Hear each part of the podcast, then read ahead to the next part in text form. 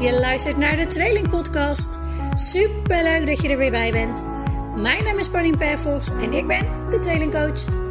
Ik neem jullie tijdens deze podcast mee op mijn avonturen als coach voor tweelingouders bij het positief en ontspannen opvoeden van hun tweeling. Maar ik vertel natuurlijk ook alles over mijn eigen ervaringen als tweelingmama. Onze één eigen meisjestweeling is vijf. En ik geef jullie de beste tips en tricks voor het opvoeden en opgroeien van tweelingen. Want een tweelingenhuis is superleuk en bijzonder, maar brengt ook wel wat uitdagingen met zich mee. Ik heb er heel erg veel zin in. Ik hoop jullie ook. En ik wens jullie super veel luisterplezier.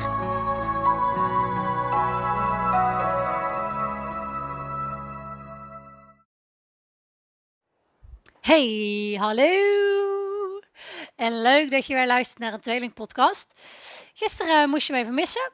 Uh, we hebben een uh, ziek meisje thuis en nou, gisteren heb ik weinig tot niet gewerkt, dus heb ik dat even maar niet als een werkdag bestempeld. En uh, nou, hoefde er dus ook geen podcast te komen. Maar vandaag weer wel. nog steeds een ziek meisje, nog steeds niet heel gek veel gedaan. Geen hele uren achter elkaar kunnen werken maar wel wat gewerkt. En daarom ook vandaag toch weer een nieuwe podcast. Um, nou ja, wat ik al zei, ziek meisje thuis. Uh, flink koorts, heel erg keelpijn. En um, nou ja, ik verwacht haar, uh, haar morgen ook nog wel thuis. En dan is het heel fijn dat je als eigen, eigen basis, als ondernemer, redelijk flexibel bent. En um, nou ja, de, de afspraken die er morgen stonden. In ieder geval, dat was er eentje voor morgen, omdat morgen sowieso altijd mijn halve dag is. Um, die heb ik kunnen verplaatsen, dus dat is super lief.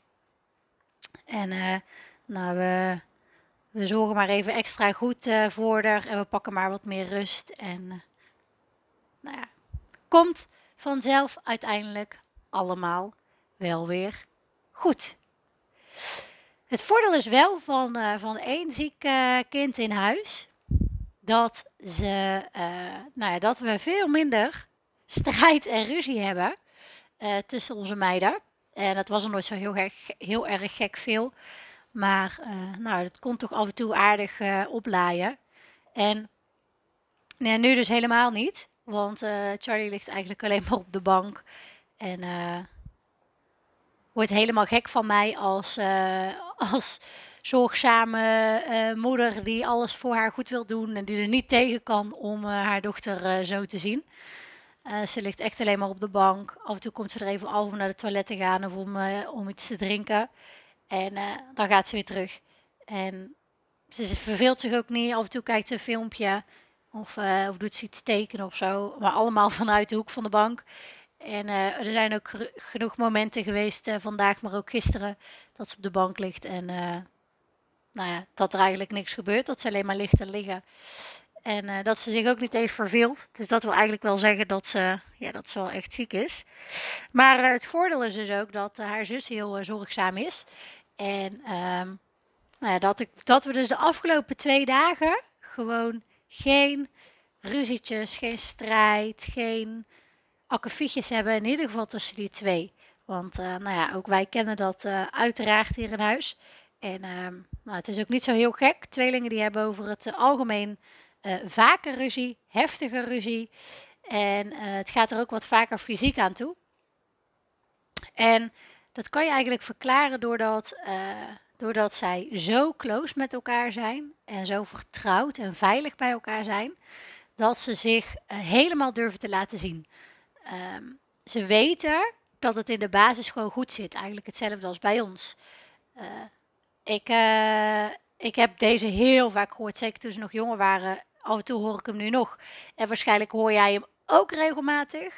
Dat als je ze bij de opvang of bij de oppas uh, ophaalt, dat, er, nou, dat ze de hele dag lief zijn geweest. Tot het moment dat jij binnenkomt stappen. En dan beginnen ze te zeuren, beginnen ze aan elkaar te duwen en te trekken. En uh, nou, begint, begint de strijd en het gedoe. En nou ja, dat, dat is echt, echt waar. Omdat ze goed met ons, um, zeg je dat in het Nederlands? Omdat de binding met ons heel goed is. Uh, en ze gewoon volledig bij ons veilig en vertrouwd zijn. En ook hun lelijke kanten durven te laten zien, om het even zo te noemen. En dat hebben ze dus ook bij elkaar. Sterker dan ehm, losse broertjes en zusjes, gemiddeld, gemiddeld gezien dan. Ehm, dus ook bij elkaar durven ze net even wat verder te gaan. En daardoor hebben wij als tweelingouders het fijne lot om vaker en heftiger omringd te zijn met strijd. En als zoiets gebeurt, krijgen we natuurlijk niet altijd mee. Uh, maar als we het meekrijgen, weten we natuurlijk wat er is gebeurd. Maar als we uh, het niet meemaken en we krijgen alleen maar één of soms beide kindjes helemaal overstuur uh, bij je, dan zijn wij vaak geneigd om de vraag te stellen: wat is er gebeurd? Wat is er nou weer gebeurd? De ene keer hè, wat geïrriteerder dan de andere. Uh, als ze echt helemaal uh, in tranen zijn, dan willen we nog vragen: wat is er gebeurd? Uh, en als er weer eens ruzie is geweest, dan zeggen we heel vaak: wat is er nou weer gebeurd? En ehm, dan hopen we altijd dat daar een antwoord op komt. 9 van de 10 keer krijg je het antwoord terug: ik weet het niet. Een gepaste antwoord krijg je vaak niet. Hoef je ook vaak niet te verwachten op de vraag: wat is er gebeurd? Um, of inderdaad, hè, ze weten het gewoon niet. En je krijgt antwoord: ik weet, ik weet het niet meer wat er is gebeurd. Of ze gaan vingertjes wijzen naar elkaar. Zij deed dit. Nee, hij deed dat.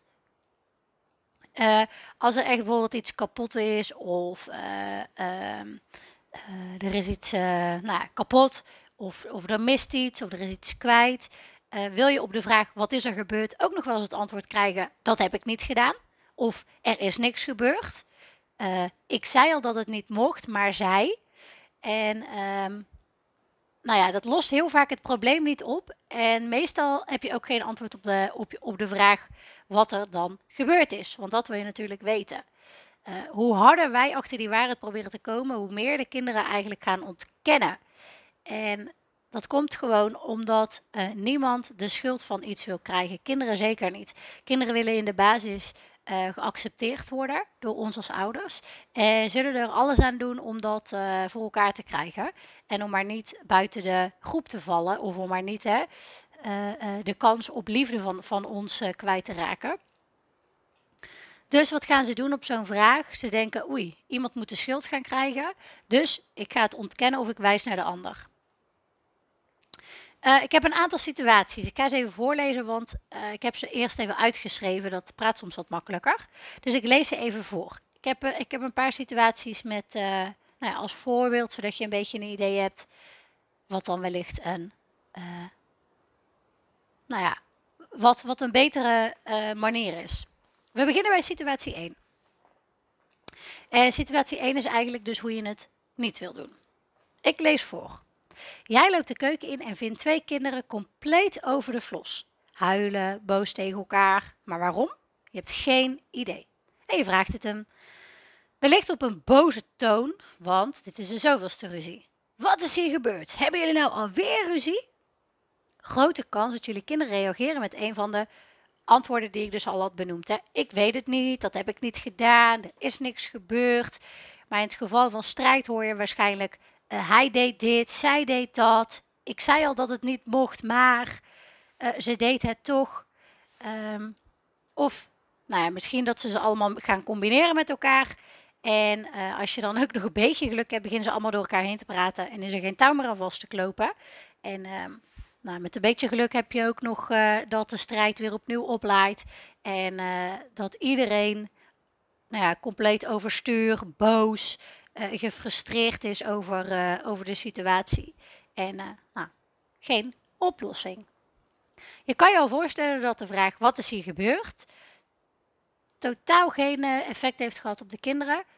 Nou, om wat ik eerder zei, ze, willen, ze, ze willen niet de mogelijkheid hebben dat je wellicht minder van ze houdt omdat ze iets hebben gedaan wat niet mocht. dus gaan ze uh, vingertjes wijzen naar de ander of gewoon ontkennen en zeggen dat ze het niet meer weten. En um, nou, op jonge leeftijd weten ze het vaak ook echt niet meer wat er is gebeurd. Omdat ze uit het moment zijn, omdat het alweer even geleden is. omdat er zoveel is gebeurd, kinderen, jonge kinderen nog heel impulsief zijn. En soms iets al is gebeurd voordat ze er erg in hebben. En ja, dus letterlijk niet zo goed weten wat er is gebeurd. De volgende situatie. Situatie 2. Jij loopt de keuken in en vindt twee kinderen compleet over de vlos. Huilen, boos tegen elkaar. Maar waarom? Je hebt geen idee. In plaats van te vragen: wat is hier gebeurd? Zeg jij: hé, hey, ik zie twee kinderen die heel verdrietig en boos zijn. Hoe komt het dat jullie zo boos zijn? Nu is het veel waarschijnlijker dat de kinderen gaan vertellen wat er is gebeurd. De insteek is hier namelijk anders, vriendelijker. En we willen graag weten waarom ze zich zo voelen. En je wil ook weten hoe, hoe het komt dat ze zo boos zijn op elkaar. Want je hebt geen idee wat er is gebeurd. Je ziet alleen dat ze boos zijn op elkaar. En dat benoem je dus. Je, ehm, nou, eigenlijk het, wat je doet is een soort ondertitelen wat je ziet. Heel, heel um, beeldend. Dus ik zie dat jullie alle twee heel boos en verdrietig zijn. Hoe komt dat? Hoe komt het dat jullie zo boos zijn? Wanneer de kinderen dan klaar zijn met vertellen, zeg je: Oké, dus jij wilt dit en dat en zus en zo. En jij wilt dit en dat en zus en zo. Oké, nou, ik kan me voorstellen dat dat lastig is. Maar ik weet zeker dat jullie een oplossing kunnen bedenken waar jullie alle twee tevreden mee zijn. Probeer het maar. Um, wat heel belangrijk hierin is, is dat je als medi eigenlijk meer als mediator optreedt in plaats van als scheidsrechter. Ehm, je veroordeelt ook nog niks. Je, je hangt eigenlijk nergens een waarde aan. Het enige wat je doet is benoemen wat je ziet. De emoties die je ziet, de situatie. Ehm, en daarna leg je de regie eigenlijk weer bij de kinderen terug. En natuurlijk, als ze nog, nog jong zijn, uh, de eerste vier jaar uh, hoef je dit echt nog niet te doen. Maar wat je dan doet is op een suggestieve manier oplossingen aanreiken. Dus hebben zij bijvoorbeeld, eentje is door de ander gebeten.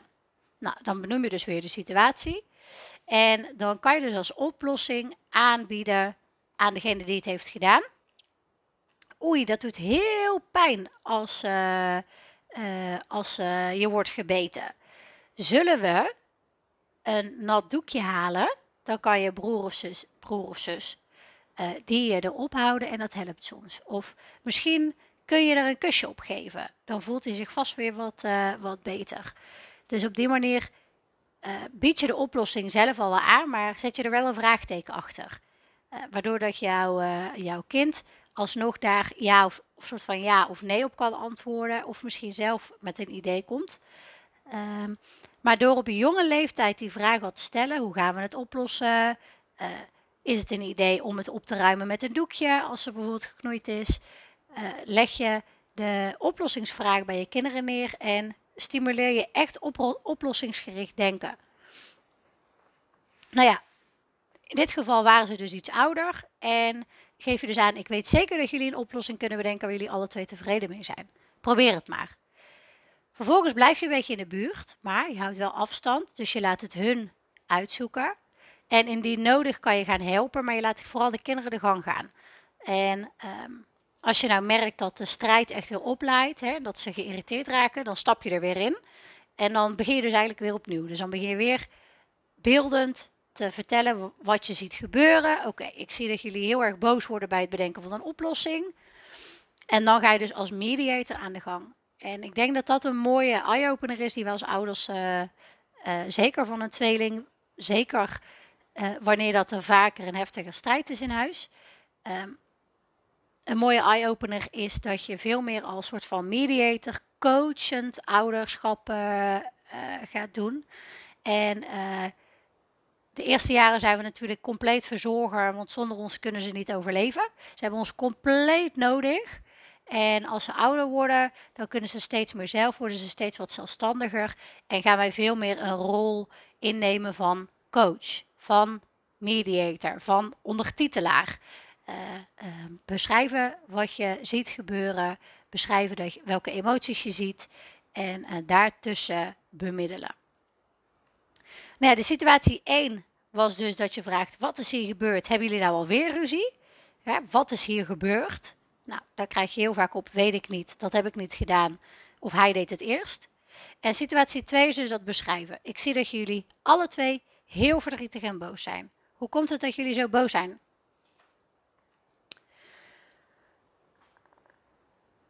De energie van situatie 1 en 2 is dus heel anders. situatie 1 benader je veel meer vanuit frustratie. Gebeurt het nu alweer? Of hè, meer vanuit een. Um, nou ja, kinderen vatten wat is hier gebeurd. Zeker met een wat strengere toon, vaak als, uh, als zoeken naar de schuldige. Situatie 2 is daarbij uh, veel meer zonder oordeel. Je ziet wat je, of je benoemt wat je ziet. Uh, je benoemt ook de wensen van, uh, van beide kinderen, van beide partijen. En uh, bij situatie 1 ben je meer een politieagent. En bij situatie 2 ben je meer dus een, een bemiddelaar, een mediator. En nou ja, merk je nou tijdens zo'n gesprek van, die uit situatie 2 komt, dat, um, je, dat jullie kinderen heel erg boos blijven, dat de strijd maar blijft oplaaien, dan is het heel verstandig om even een pauze in te lassen. Zegt u, oké jongens, ik zie dat we er op dit moment niet uit gaan komen. we zijn alle, jullie zijn alle twee nog te boos of nog te verdrietig. We gaan eerst even iets anders doen. En als straks iedereen weer rustig is, gaan we weer even aan tafel zitten. En dan proberen we opnieuw een oplossing te bedenken. Een ander voorbeeld hiervan is bijvoorbeeld die vraag die kreeg ik, uh, uh, die kreeg ik ooit gesteld. En ehm, dat ging om een drieling van drie jaar oud. En zij wil, ja, hun moeder wilde graag weten wanneer dat, wanneer dat kinderen beginnen met liegen. En um, zij gaf als voorbeeld wel heel erg een, een mooi voorbeeld. Dat ze met een van de meiden op de wc was. En toen ze terugkwam in de keuken, kropen de andere twee snel onder de tafel. En de koelkastdeur was open. En nou ja, toen kwam dus de vraag: wat is er gebeurd? En uh, beide meisjes die dus onder de tafel waren gekropen zeggen, met een vlaas nog: Ik heb geen vlagen drinkt, mama. Dus ontkennen eigenlijk de situatie. Terwijl je nou ja, aan alles dus, dus kan zien dat dat wel is gebeurd. De koelkast staat open, het vlaapak is half leeg en de kinderen zitten met een vlaasnoer onder de tafel. Wat waarom kinderen beginnen met liegen is omdat ze ontdekt hebben dat ze straf kunnen krijgen als ze iets hebben gedaan wat niet mag. Maar het kan ook zijn dat ze het dus gewoon echt niet meer weten. Wat ik net al zei, jonge kinderen zijn impulsief. Die doen heel veel dingen uit impulsiviteit. En het, is eigenlijk al gebeurd voordat ze er erg in hebben. En um, nou, vaak weten ze dan ook niet echt meer wat er is gebeurd. Zeker hè, stel dat je echt boos bent, uh, dan kan het ook nog wel zijn dat ze gewoon bevriezen. En uh, nou, dan krijg je natuurlijk helemaal niks meer uit. En nou, in plaats van dus te vragen wat is hier gebeurd, waar dat de kinderen dus geen antwoord op gaan geven, ga je dus weer benoemen wat je ziet. Wow, ik zie de koelkast openstaan. Dat is gek. Die was toch echt dicht toen we naar de wc gingen. En wat raar, het vlaapak is half leeg. Hoe kan dat nou? Nou, het kan best zijn dat de meiden daar niet op reageren die onder de tafel zitten. Want je, je negeert ze dus heel even, maar je benoemt dus wat er is. Maar grote kans dat er, dat, dat er gelachen gaat worden. Hè? Ze horen jou dat zeggen en ze beginnen een beetje te giechelen. Want zij weten natuurlijk wel wat er is gebeurd. Nou, vervolgens kan je die meisjes onder de tafel opmerken. Kijk nou, ik zie twee meisjes met een vlaasnor. Hoe komen jullie aan die mooie vlaasnoren? En dan doe je het dus veel meer vanuit nieuwsgierigheid. Je gaat mee in hun, uh, in hun bui, in hun humeur, in hun toestand. Uh, uh, je kan ook nog eens soms fantasie gebruiken. zijn er misschien vla, vla monstertjes geweest die uit het pak hebben gedronken? Nou ja, meestal als je dus vraagt hoe komen jullie aan die mooie vlaasnoeren, dan gaan ze het wel vertellen. En in plaats van boos te worden of straf te geven, kan je dus precies, uh, of krijg je dus vanuit hun te horen wat er is gebeurd.